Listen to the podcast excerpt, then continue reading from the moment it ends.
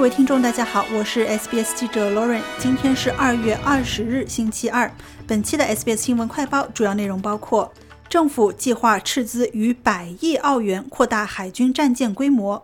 悉尼疑似石棉污染产品蔓延至堪培拉；澳大利亚维珍航空 CEO 宣布辞职；总理就杂货物价问题谴责连锁超市巨头。澳大利亚政府宣布将斥资一百一十一亿澳元，大幅提升海军能力，旨在扩大水面作战舰队规模并实现现代化。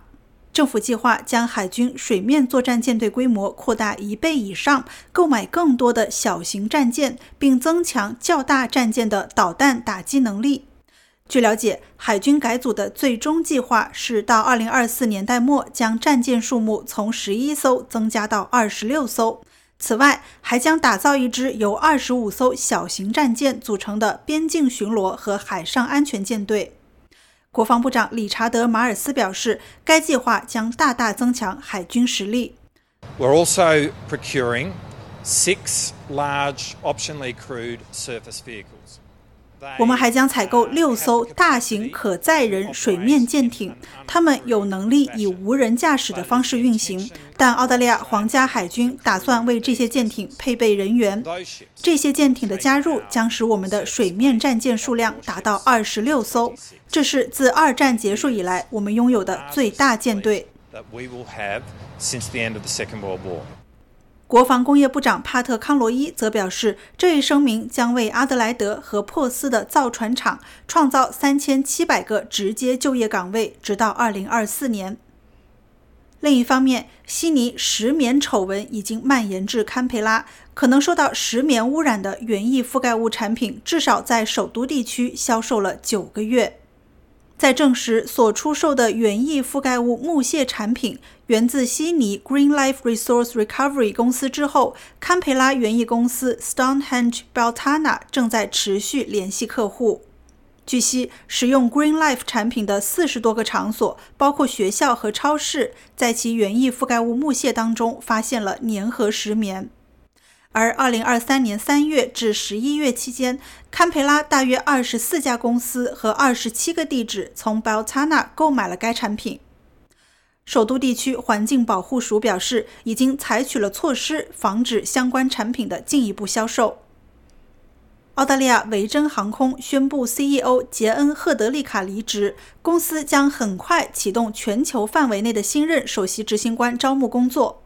该航空公司表示，赫德利卡和董事会都已决定，现在是他离职的合适时机。赫德利卡女士在一份声明当中表示，现在正是进行过渡的合适时机，并补充说，在最艰难的时刻担任这一职位四年之后，她如今的决定已经经过了深思熟虑。赫德利卡于2020年11月上任，在她的领导下，澳大利亚维珍在2023财年扭亏为盈，这也是该航空公司11年来首次盈利。维珍是澳大利亚第二大航空公司。2020年，公司因债务申请破产保护，随后被贝恩投资公司收购。据了解，在赫德利卡离职之前，澳大利亚维珍曾表示计划在今年重新上市。另一边，总理安东尼·阿尔巴尼斯表示，澳大利亚两家最大的连锁超市需要对顾客做正确的事。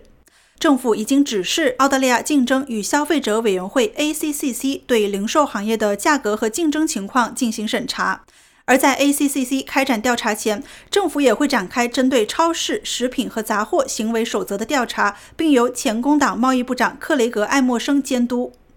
阿尔巴尼斯表示，Coles 和 Woolworths 应该非常清楚，公众舆论对他们的业务至关重要。The CEOs of major companies